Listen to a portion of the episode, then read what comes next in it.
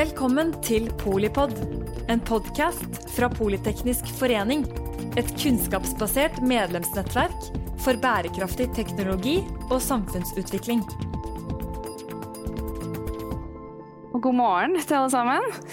Eh, endringer i, eh, i, toppledelsen det er jo noe alle selskaper eh, gjennomgår fra tid til eh, annen. Og det er jo noe som er uh, gjenstand for betydelig oppmerksomhet uh, i de aller fleste tilfeller. Både fra internt hold, uh, typisk ansatte og andre, og også andre i ledelsen. og fra eksterne krefter, f.eks. media. Dette er jo snakk om posisjoner som er viktige for selskapets strategi og langsiktige retning og tankegang.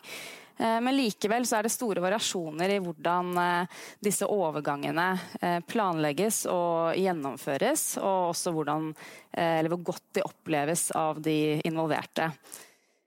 Så i dagens frokostseminar så håper jeg vi kan få noen gode råd på veien fra dere to, som har mye erfaring innenfor dette området. Inger Setov er øverste leder for eh, kommunikasjon i Hydro. Eh, og du sitter jo også da i Hydros konsernledelse.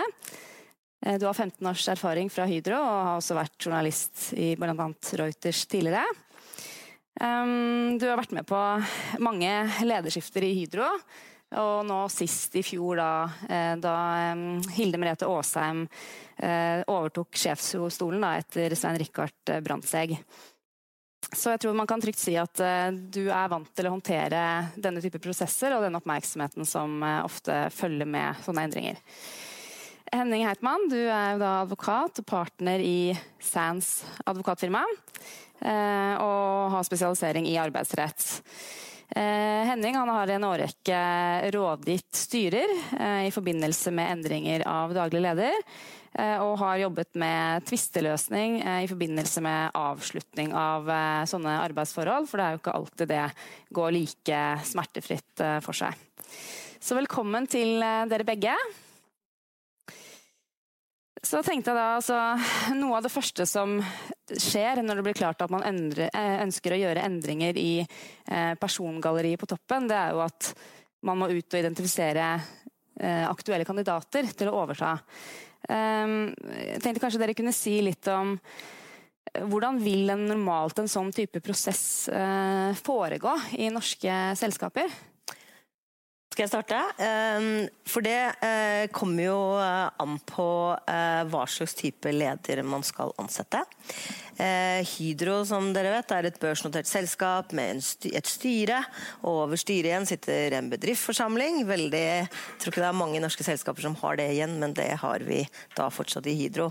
Men det betyr at når vi skal velge, vi skal ha ny konsernsjef, så er det jo styret som ansetter konsernsjef. Eh, og hvis man skal ha en ny eh, konserndirektør, så er det jo konsernsjefen som ansetter konserndirektørene. Så det er veldig ulike, veldig ulike prosesser. Eh, og så er det jo ofte konsern, både konsernsjefer og konserndirektører, så vil man jo gjerne sørge for at man ikke bare liksom ser rundt seg og akkurat de menneskene man ser i det daglige og har det som utvelgelsesbakgrunn, men man vil jo gjerne også sørge for at man bruker hele universet. Da. Så man går, bruker gjerne eksterne rekrutterere. Eh, rekrutteringsbyrå, spesielt selvfølgelig eh, for, for, konsernsjef. Så gjør man det.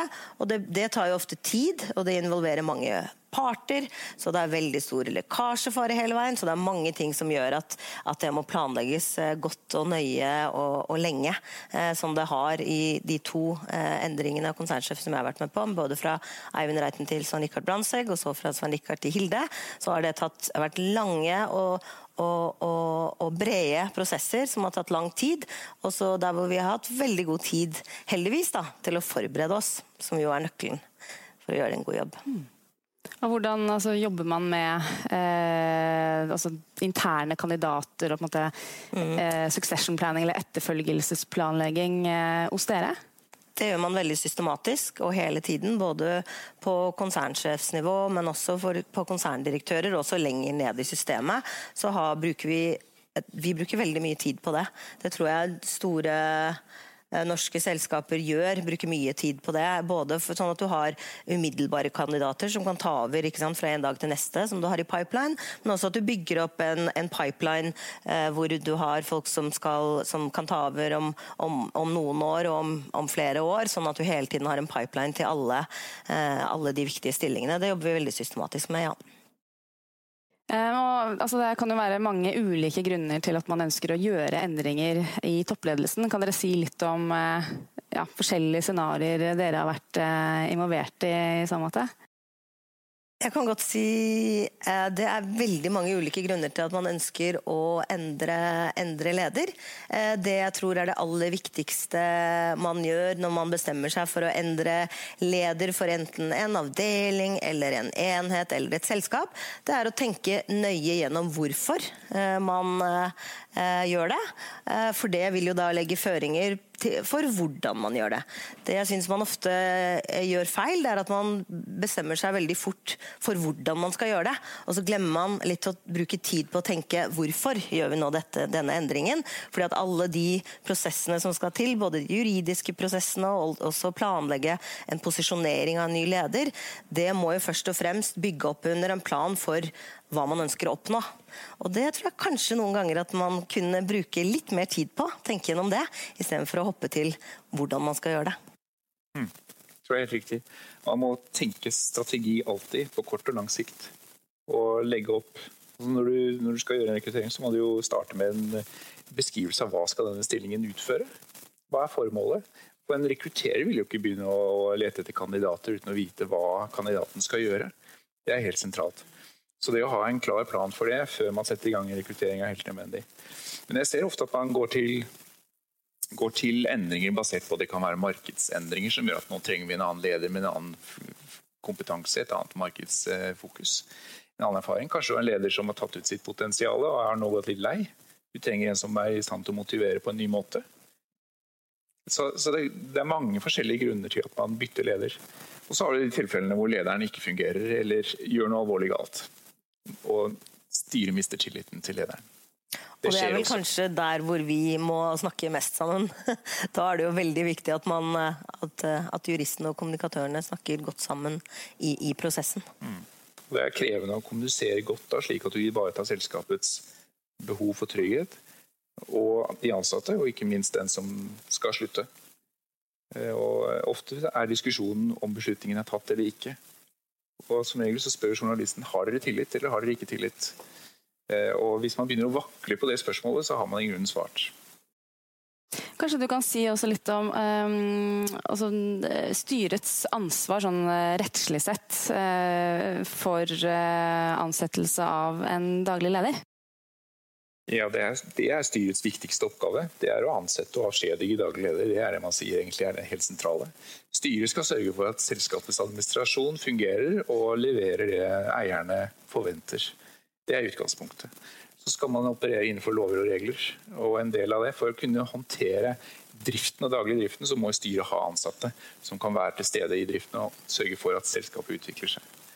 Så eh, det å ansette den øverste lederen for hele administrasjonen, det er styrets viktigste oppgave.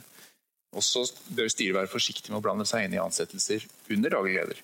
For Idet styret blander seg inn i, i, i, lavere stillingsnivåer i administrasjonen, så tar man jo fra topplederen det ansvaret som skal ligge hos toppleder. Og Det ser jeg av og til, at en del styrer, styremedlemmer, eiere blir for ivrige å blande seg inn i beslutninger som tas, og som skal ligge på administrativt nivå. Det er ekstremt viktig at man, man skal ansette toppleder som man stoler 100% på, og som har den rette kompetansen. Og Så kan godt styret gi signaler til toppleder i styremøtene, eh, muligens også mellom møtene, men du skal aldri gå ned og blande deg inn i drift. For da tar du hull på administrerende direktørs eh, ansvar, og da blir det vanskeligere for styret å holde han ansvarlig, hvis ikke det går som forventet. Men når styret, når styret, eh, ønsker eh, en ny eh, daglig leder, eller konsernsjef som vi kaller det i de store eh, selskapene, eh, hva slags måter organiserer de da sitt arbeid på? Og det vil jo kanskje avhenge av størrelsen på selskapet også. Noen av dere som har lyst til å si litt om det? Det er sikkert veldig mange måter å gjøre det på, men uh, ofte så, jo, så velger man, setter man ned en komité uh, i, i, i, styret som har den daglige ansvaret for det. Det er jo en arbeids, veldig arbeidskrevende prosess. Man skal jo gjerne ut først og velge, velge en ekstern um, rekrutterer. Det er jo en stor prosess, og først skal du velge det. Og så skal du da eh, ha veldig mange både interne og eksterne prosesser, og det skal gjøres på en skikkelig måte, det skal gjøres på en respektfull måte, det skal gjøres på en, ja, på en ordentlig måte. Det skaper jo masse um, bevegelse uh, i, i, i, et selskap når sånne prosesser pågår. Så det er viktig å gjøre det på en skikkelig måte. Så det, det er en måte å gjøre det på når det gjelder konsernsjef. Da. At man nedsetter et, et slags utvalg eller en komité. Det er, er, det ikke ganske måter. vanlig at man har flere rekrutterere? fordi at eh, Rekruttererne har gjerne sine nettverk og sine måter å finne kandidater på. Til viktige stillinger så vet jeg at man bruker ofte flere byråer for å få et bredere tilfang og eh, mer hva skal jeg si, variasjon i bakgrunn og, og, og tilfang. Uh, har dere noen erfaring med altså i, i selskaper som er uh, uh, majoritetseid av staten? Om altså hvilken grad av innblanding man opplever eh, der? Ja, eh, det er eh, veldig, jeg må si, veldig profesjonelt og avklart forhold i sånne typer prosesser. Men det som kan være en ekstra dimensjon i et selskap som er veldig hva skal jeg si, som har en, en, en, en, politisk dimensjon, som jo store norske selskaper har. Og hvor med rette de fleste føler et eierskap til, eh, til å, og, og, har en forventning til innsyn i sånne prosesser i store selskaper, som jo er delvis eid av oss. Så, så, så med rette så har man høye forventninger til det. Men det betyr jo da at det er, eh, kan være lurt å sørge for at sånne prosesser er lukkede så lenge som mulig, og helst lukke det inntil den dagen man har bestemt seg for hvem som er overtager. overtaker. Noen selskaper velger jo først å uh, kommunisere at en uh, daglig leder skal slutte, og så har man en interimperiode hvor man enten har en fungerende leder en periode før man har en ny daglig leder på plass. sånn generelt så tror jeg at det kan være lurt hvis man ønsker å beholde kontrollen på den prosessen selv. Og at ikke alle mulige andre skal blande seg inn og mene noe om hvem og hva og hvorfor. Og det gjør man jo gjerne. Eh, men sånne personsaker blir jo ofte veldig sexy nyhetssaker. da. Eh, og spesielt i store selskaper, og spesielt i store, delvis statseide selskaper. Eh, Eh, så kan det være lurt å, å, å, bestemme seg først om å være ferdig med den rekrutteringsprosessen, bestemme hvem overtakere er, eh, den dagen man eh, annonserer at en, en, en, leder skal slutte. Det har vist seg veldig, veldig, veldig lurt. Samtidig så er det jo da en lekkasjefare hele veien. Det, så da må man jo være trygg på at man har gode prosesser, at man, ja, at man er veldig nøye med hvem man del, involverer i den prosessen. Så det, det er en balanse, men jeg tror hvert fall i den grad det er mulig eh, å, å ha en lukket prosess inntil den dagen man har bestemt seg hvem som skal ta over, så er det bra. Og først og fremst så er det bra fordi det skaper ro og trygghet i organisasjonen internt. For det er jo det aller viktigste. Det er jo å sørge for å opprettholde trygghet, tillit, stabilitet, produktivitet i selskapet. Og det gjør man når ansatte er trygge. Og man er ikke trygge når man ikke vet hvem lederen er. Og det, og det skaper masse spekulasjoner og mye uro som selskapet ikke er tjent med, eh, tror jeg. Så jeg tror det er veld, en veldig god måte å ha litt is i magen. Vi ser jo virkelig, Hvis vi forlater næringslivet litt, så ser vi virkelig dette i politiske partier når de skal velge ny leder. Og hvordan det dekkes av media. Og hvordan folk settes opp mot hverandre. Og det er maktkamp. Man bruker store ord på, på, på disse rekrutteringene. Og sånne ting skjer jo internt i selskaper, og selv om det ikke nødvendigvis står i avisene. Mm. Så skjer det jo. Det er mye politikk. Men du er jo ganske heldig hvis du klarer å ha kontroll på en sånn prosess, tenker jeg. Fra du vet at en toppleder skal gå av, til en ny skal ansettes. Du klarer å holde dette lukket med så mange mennesker som skal involveres i den prosessen det er, helt til man kommuniserer ut at nå blir det et lederskifte og en ny leder er. Det, det er ikke så ofte man lykkes med det. Vi lykkes jo med det. det har lykkes med. Vi lykkes jo med det i 18. Det var jo ikke liksom 17. mars at styret bestemte seg for at uh, Svein Rikard skulle slutte og Hilde skulle ta over. Så uh, man, uh, man Det lykkes vi med. Jeg, jeg, tror at det handler mye om, da. Jeg tror det handler mye om å, å gi gi tillit til de menneskene som skal og må være involvert i prosessen. Eh, skape eierskap, et felles eierskap til at dette skal vi få til sammen. Eh, og skape forståelse for hvor viktig det er at vi gjør det på en sånn måte. Det tror jeg er veldig viktig, og jeg tror det er utrolig hva ansatte og ledere eh, kan være med på hvis man blir involvert. Hvis man blir tatt på alvor.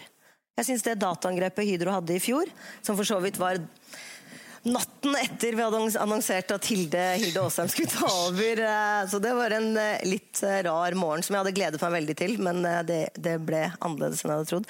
Men i hvert fall jeg syns at det var et veldig beskrivende for hvordan organisasjonen i Hydro da 35 000 ansatte i 40 land på 19 språk som skulle da ha informasjon om at vi var under et massivt og sofistikert dataangrep, som selvfølgelig gjør folk utrygge. Det gjør folk redde. Det gjør deg i hvert fall demotivert. Men da skulle folk stå opp om morgenen og gjøre alt de er vant til å gjøre, manuelt. De skulle liksom grave ned i søppelkasser og finne gamle tegninger av hva de skulle levere til kundene sine. 30 000 kunder, ikke sant? Og det gjorde folk. Og hvorfor gjorde de det? Jo, det tror jeg, da Eh, handlet mye om at vi tok med oss folk inn på den reisen. Istedenfor å låse døren, som, gjerne, som jo er det letteste når du sitter i en krise, så tar du med deg folk. Og jeg tror det skaper en enorm tillit. Og jeg tror at Når du har tillit fra dine medarbeidere, tillit fra dine nærmeste ledere, så tror jeg det er utrolig hva slags lojalitet det skaper. Og den lojaliteten eh, den tilliten skaper, det tror jeg man lever godt på i sånne situasjoner. Da klarer man å holde på på sånne, holde sånne prosesser lukkede. Da. Det er i hvert fall min erfaring. Jeg bare vet at mange selskaper får det ikke til. Det der er veldig, veldig krevende øvelse. Og Særlig når du engasjerer mange eksterne i prosessene som skal foregå. Det er uh, fort gjort at lekkasjene oppstår. Så det å ha den kontrollen er ikke lett. Og hva skal det komme? Du bør på en måte ha en plan B. da. Det har man. Hvis dette ryker, hva sier vi da? Det har man. Det har vi det har man selvfølgelig. Vi har plan B og C og D. Ja da, vi har mange planer, men jeg, jeg er helt enig, og det er det beste argumentet for å det, men det er jo ikke noe fasitsvar. Det er alltid en balanse her. Så, så, man har jo alltid disse diskusjonene. Men i hvert fall min erfaring er, og de, de, to gangene vi har gjort det, så har det jo vært og det er, høy, det er stor lekkasjevare. Det er mange som har lyst til å fortelle verden om at, at en konsernsjef i Hydro skal slutte. Hvis man hadde fått vite om det. Eh, men i hvert fall de gangene så har det fungert, og jeg tror det handler mye om lojalitet og tillit. og Det tror jeg det handler om, da. Ehm, jeg tror Det er en annen, en annen dimensjon til hvorfor jeg mener at det er lurt. Eh, og det er at ehm, den dagen eh, man annonserer, så er det veldig stor oppmerksomhet rundt den nye, nye konsernsjefen. Eller nye nye, nye, lederen. Enten det er internt blant ansatte, blant kunder eller blant, i media. Eh, og det eh, momentumet må man jo bruke. ikke sant? Man må bruke det momentumet den dagen til å fortelle eh, hvem den nye konsernsjefen er. Og så må man også fortelle at fortsatt inntil den nye konsernsjefen eller den nye daglederen formelt tar over. Og det kan jo ta én dag, eller det kan ta tre måneder. Det er jo ofte mange vurderinger som ligger til grunn for det. Men at man inntil den, og ha is i magen da også, inntil den dagen den nye daglig lederen tar over, så er det den utgående som er sjef. Da skal ikke den nye konsernsjefen eller den nye daglig leder uttale seg som, konsern, eh, som, leder før han eller hun faktisk tar over. Det tror jeg er kjempeviktig. Og man har jo lyst. Og det er så interessant å se hvordan mennesker også snur seg med en gang til den nye. Den gamle er liksom ikke viktig lenger. Uh, og, og, det er så interessant, og da tror jeg liksom bare å vente, for da har du det kjempemomentum, og så har du tid til å planlegge også hvem du vil være, hva du ønsker å si og hva du ønsker å gjøre. Men hvis vi tar et steg tilbake før vi kommer til um, annonseringen. Altså, hvis Man tenker at man har gjort en uh, grundig uh, øvelse med å uh, identifisere aktuelle kandidater, og man har funnet drømmekandidaten som skal overta sjefsstolen. Um, og da kommer jo ofte du inn. Da blir det forhandlinger om ansettelsesavtalen og vilkårene for den. Um, kunne innledet med å si noe om de grunnleggende forskjellene på altså Hvilke rettslige rammer er det man må forholde seg til når man rekrutterer en daglig leder kontra øvrige medlemmer i en eh, ledelse? Ja. ja. Det er noen særregler for toppsjef. Eh, utgangspunktet er at toppsjefer også er ansatte. så De er omfattet av arbeidsmiljøloven på alle måter. Men det er noen særordninger for toppleder, og det gjelder jo kun for den øverste leder av virksomheten. og Det betyr den som rapporterer til styret. Så selv om du har flere konserndirektører, kanskje med noen datterselskaper de har ansvar for, så er det kun den øverste lederen dette egentlig gjelder for. Og da, og da er ordningen at du kan avtale at en eventuell tvist skal løses ved voldgift. Det er kun mulig å avtale med toppleder. Du kan avtale at uh, hvis styret ønsker hans avgang, så skal han få en forhåndsavtalt kompensasjon altså forhånds, Istedenfor å komme i en sluttpakkeforhandling ved avvikling, så kan du forhåndsavtale det. At man da fraskriver seg oppsigelsesvernet som ellers gjelder for alle ansatte. Eh, og Det siste er at man kan også fravike regler som gjelder konkurransebegrensninger etter at man frater stillingen. Det er jo like aktuelt for store som små selskaper. Så Der har man større avtalefrihet da, for toppleder. Og i baktanken her er at toppleder har en sterkere forhandlingsposisjon enn de fleste som ansettes. Og at de derfor kan forhandle på mer like fot enn eh, ansatte på lavere nivå. Hva ville du ha vært opptatt av da, hvis du eh, skulle inn i en uh, topplederjobb? Jeg ville selvfølgelig hatt en god sluttpakkeløsning. Dette kommer fram etter at det utviklet seg en praksis i næringslivet gjennom ganske mange år, hvor det var ganske store pakker som kom på bordet i forbindelse med at toppsjefer gikk av. Og de hadde jo aldri gjort noe galt, og det var jo aldri noen grunn til at de skulle gå av. selvfølgelig. Det var bare en endring av strategi. Men de fikk likevel med seg to, tre og fire årslønner, og noen fikk jo over ti millioner kroner i kompensasjoner. Det syntes man var såpass voldsomt, og at man opplevde vel rent politisk at uh, enkelte utnyttet den forhandlingsposisjonen de satt i, når styret ønsket deres avgang. Og utnyttet det for sterkt. Og at, uh, at, man derfor ville innføre et verktøy for å kunne ta den type diskusjoner og forhandlinger på et tidspunkt hvor det ikke var en tvist. Uh, I håp om at det skulle senke forventningene til en sluttpakkeløsning. Men det er jo sånn med toppledere. Det er ikke flust av topplederjobber.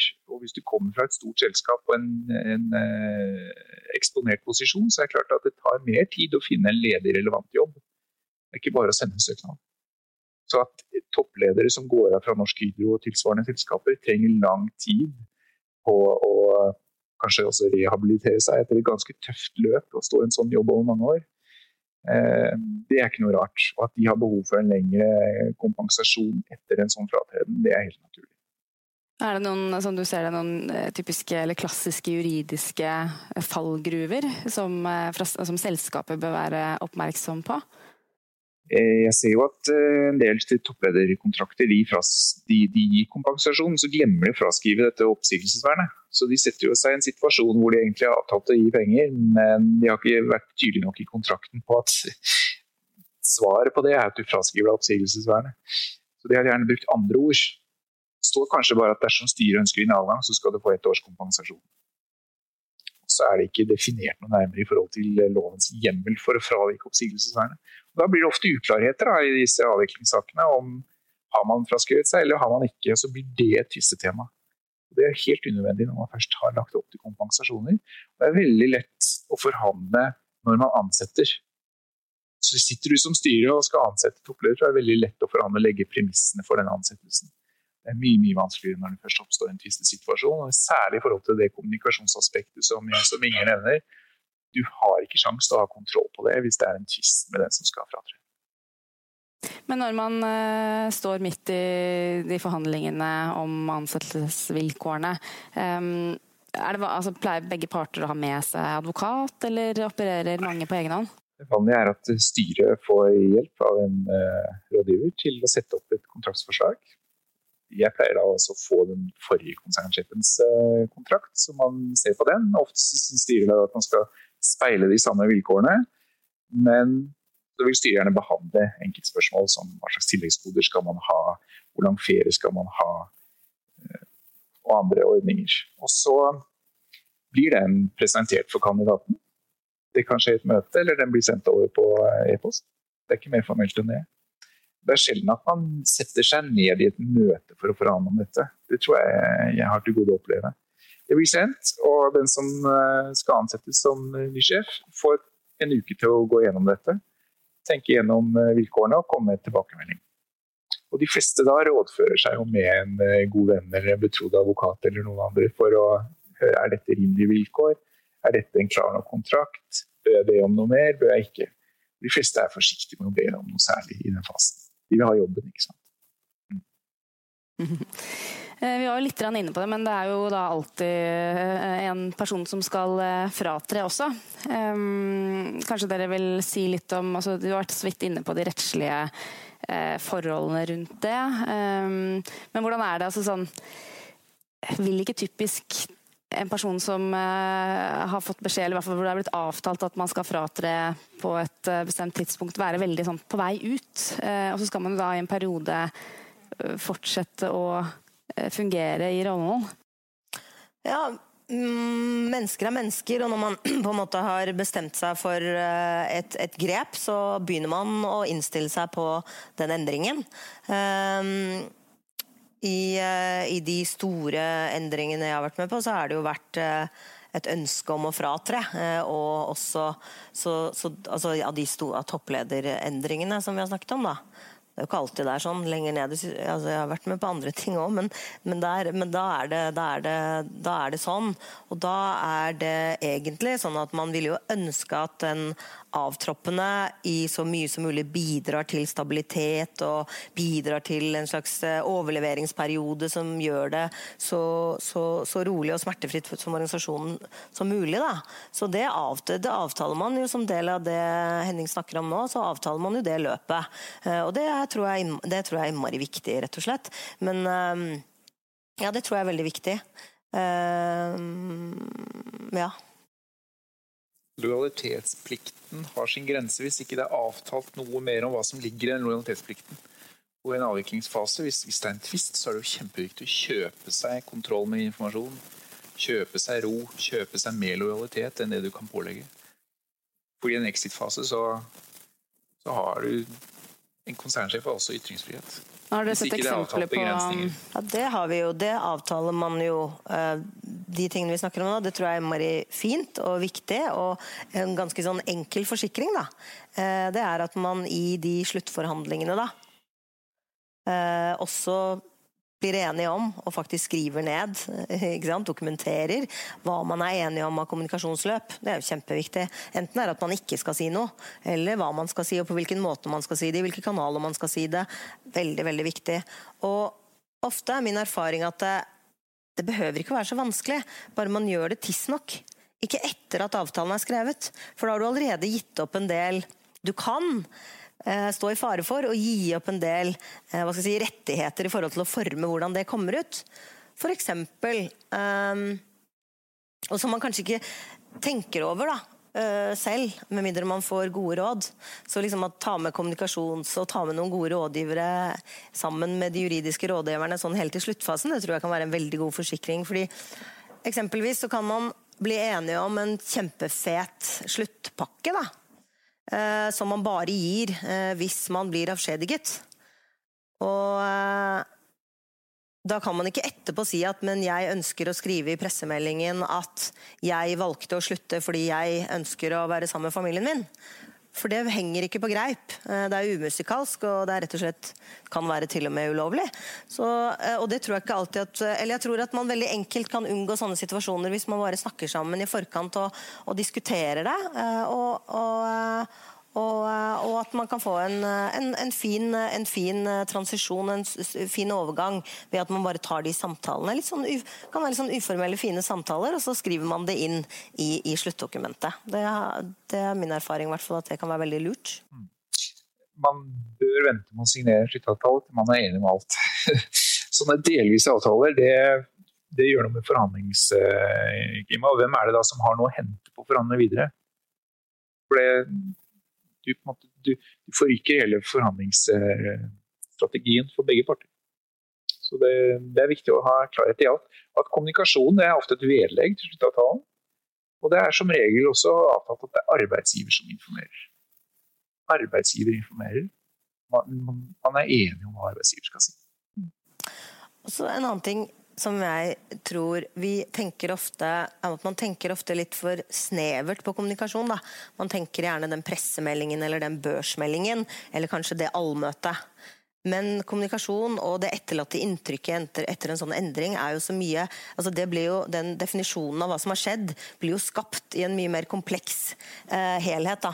Så det betyr at å tenke litt bredt da, når du tenker kommunikasjon det som må planlegges, er jo hvilke budskap. Hva er det egentlig som har skjedd, og hva er realitetene her? Og det er alltid veldig lurt å fortelle det som er sant. Fordi at eh, man eh, Ja, det er uansett aldri lurt å gjøre det som ikke er lov. Aldri. Um, um, så det er alltid lurt å gjøre det som er lov. Um, men så tror jeg liksom tenke litt bredt, fordi man blir veldig fokusert på media, gjerne. Man blir veldig opptatt av hva som står i avisen. Men det er jo ikke det som er det aller viktigste. Hvis du har gjort en godt grunnarbeid, hvis du har snakket med folkene dine, hvis du har liksom, eh, tatt vare på de som liksom, står deg nærmest, da, og sørget for at de fortsatt er der, og det er ofte dine ansatte, det er de som står deg nærmest hvis du driver et selskap. Ta vare på de først, så kommer resten til å gå ganske bra. Altså, det mener jeg. Og det tror jeg er der man feiler noen ganger. Så tror man det er det som er viktig, det som står på forsiden, av Dagens Næringsliv. Det er ikke det. Det er for noen ganske få mennesker er det viktig, men eh, for de store det, det viktigste er hvordan du tar vare på dine egne. Så kommer resten eh, av seg selv. Det betyr ikke at du ikke må skrive en god børsmelding før børsen åpner. Det betyr ikke at du ikke må skrive en god pressemelding. Det betyr ikke at du ikke skal ha gode allmøter. Men det er liksom, jeg tror at man overdriver noen ganger i fokuset på det eksterne. Så glemmer man eh, litt det aller viktigste, nemlig folkene dine. Så ha allmøte før du har pressekonferanse. God regel. Ja, det tror jeg er en viktig lærdom. Jeg tror jeg mange går feil i forhold til det. At de er så livredde for presse og journalistikk. Og mange har frykt for uh, pressedekning. Altså. Det er mye frykt for pressen der ute. Jeg ser også ofte at det, det, dukker opp som en sånn trussel i enkelte forhandlingssituasjoner. Sjelden med toppsjefer, men ofte på lavere nivå. At man sier her har det vært så mye uryddighet, her, jeg har så mye dårlig å fortelle om selskapet, så hvis jeg ikke får den pakken jeg vil, så kommer det til å stå i avisen. Det, kjenner du til mange eksempler det hvor det har alle til i praksis. Det, er jo det pussige. Dette kan du ta med knusende ro. Det er ingen journalist som er interessert i dette. Dette blir for dumt. Og enkelte medarbeidere må jo beskyttes mot seg selv og sin egen trussel. Så, så, det er ganske mye filter også i pressen i forhold til å ikke ta den type saker inn i mediene. Det skjer en sjelden gang, men eh, det lever man godt med. Som Inger sier, det er ikke det viktigste hva som står i avisen i dag. Det er glemt neste uke. Um, Hydro fikk jo sin første kvinnelige konsernsjef uh, i fjor. Uh, opplevde dere en annen type oppmerksomhet uh, rundt den endringen enn da Svein Rikard tiltrådte? Um, for det første så er alle, alle, alle, daglige ledere er forskjellige, alle konsernsjefer er forskjellige. Så det er liksom ikke noe oppskrift på hvordan man skal posisjonere en ny leder.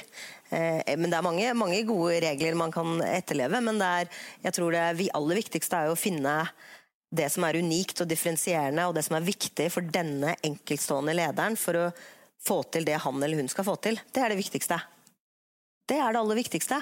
Og ikke prøve å skape noe av av, det er ingen som kan skape noe av ingenting. Kanskje Gud, men liksom det, er ikke, det, det, er det ikke. Så du må liksom finne ut hvem, hvem er denne lederen, og hva skal han eller hun oppnå i dette selskapet for å sørge for at dette selskapet oppnår sine resultater og sin strategi. Det er det viktigste. Um, Sånn at eh, Det er vanskelig å eh, sammenligne. Eh, men for Svein Rikard eksempelvis, og han elsker Politeknisk forening, selvfølgelig. Men Svein Rikard er jo teknolog på sin hals. Han er jo liksom Christian Birkeland. Så, så, så, da var det jo teknologien som var det aller viktigste for han. Da, da brukte vi mye tid på å liksom definere hva, hvem er han, og hvordan skal han bruke det til å løfte Hydro på den måten han ønsket å løfte Hydro. På Hilde så er jo hun industrilederen, og det var det viktigste for Hilde. Og, det, og der hvor selskapet var da, da, var det jo, da handlet det jo om å, å, å bruke det momentumet vi eh, hadde da for en endring, til å endre, foreta de endringene som hun ønsket å endre på. Og det var mye viktigere for oss og for Hydro og for henne enn at hun var kvinne. Eh, derfor så brukte vi mye tid på å Uh, og jeg er glad vi gjorde det. Jeg brukte mye tid på å snakke sammen og, og planlegge hvordan det skulle posisjoneres, både internt og eksternt, som den beste industrilederen, og ikke som den beste kvinnelige industrilederen. Um, og det syns jeg vi klarte bra. Uh, uh, og så har jeg sett i ettertid at vi får veldig mye oppmerksomhet fordi hun er uh, en kvinn, kvinnelig industrileder. Fordi internasjonalt i vår bransje, i den internasjonale metall- og gruvebransjen, så er det ingen kvinnelige ledere. Det er bare Hilde. Så da er det klart at man får en annen oppmerksomhet. Og så det tenker vi mye på. Eh, og det er positivt, men det har også en risiko ved seg. Så det, det bruker vi mye tid på. Så ja, mer oppmerksomhet, men jeg må si stort sett positiv oppmerksomhet. da. Stort sett. Ja, Noen, kan sikkert bruke det ja. til mye positivt. Ja da, mm. absolutt. Både internt og eksternt. Og det, det, det, gjør, hun jo. Eh, og det gjør vi jo. Mm. Men når man da mm, så, eh, Når hun eh, ja, hadde sine første dager og sant, skulle begynne dette løpet da, som ny konsernsjef, la man en plan? En type 100-dagersplan? Eller altså Hva var dere opptatt av at hun skulle bruke tiden sin på den første perioden? Det er nok mye mer planlegging enn det som er det man tror. Eh, så eh, vi har brukt mye tid på å planlegge. Eh, både i tiden før annonsering, som da var 18. mars, men også fra annonsering til introduksjonen av henne, når hun faktisk formelt tok over etter Svein Richard, som var 8. mai. Eh, så det var én fase. Eh, så når hun faktisk, og Heldigvis så hadde vi den tiden der eh, hvor vi da lukket døren for alle journalister. For da var jo alt fra liksom, ja, veldig veldig stor medieoppmerksomhet rundt det. Men da hadde vi den ene pressekonferansen den dagen hvor vi annonserte det, hvor styreleder annonserte det. Og så var hun fortsatt leder for forretningsområdet inntil den dagen hun tok over. Snakket ikke med en eneste journalist, og ikke snakket med noen som konsernsjef, fordi hun var ikke konsernsjef før hun den dagen tok over. Og så Neste fase var jo da eh, frem til eh, 24.9, eh, hvor vi hadde investordag, kapitalmarkedsdag for investorer, og også en svær ledersamling eh, eh, samme, samme, dag, eller dagen etter, eh, med alle topp 300-lederne i selskapet. Så den planen den var eh, nøye planlagt, ja, eh, og den, det var en seksmånedersplan. Så det er vel mer hva er viktig å gjøre og foreta seg i relasjon til eh, de ansatte for å få de med ja, på laget? Da må du tenke, som jeg sier, at man må tenke litt stort. Man må tenke litt større. Man må tenke bredere og lengre enn det man intuitivt gjør. For man tenker gjerne litt sånn her og nå. Hvordan skal, jeg, hva, hva, hvordan skal jeg posisjonere meg, hva skal jeg gjøre og si den dagen? Men det viktigste er jo å tenke hvor er det jeg skal være om et år? Og hvilke brikker må falle på plass, og hva må vi bruke de ulike milepælene til for å komme dit? Ikke sant? Og, ehm, og så må man tenke bredt, i den forstand at man må tenke media. Man må tenke kapitalmarked, eiere. Man må tenke samfunn, politiske, regulatoriske stakeholdere, media. ikke sant? Og sist, men ikke minst, kanskje viktigst, ansatte, tillitsvalgte. Alle de. Så man må lage et, et, en totalitet av å skape tillit, det er jo målet, eh, all, blant alle de målgruppene.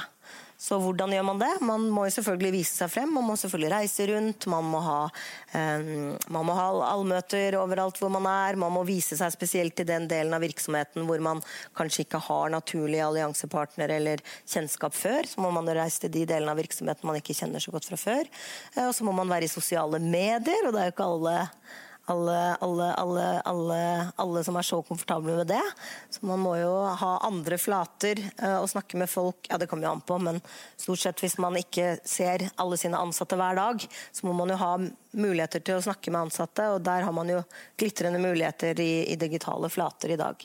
Så, det, så alle, alle, de skrittene var veldig nøye planlagt. Så hvis man går tilbake og ser på det nå, så det, henger det veldig godt sammen det vi snakker om i dag, som er lønnsomhet og bærekraft. Første gang vi begynte å snakke om det, var jo 8. mai i fjor. Og så har vi bygget stein på stein og snakket om det eh, hele, hele, veien. Så det er ja, mye, mye planlegging og, som skal til. Mye mer enn man tror, tror jeg. Og en sånn type endring er antagelig enda mer krevende om man eh, har en som er rekruttert eksternt fra, og kommer ny inn i selskapet og på en måte må bygge opp den eh, tilliten fra bunn.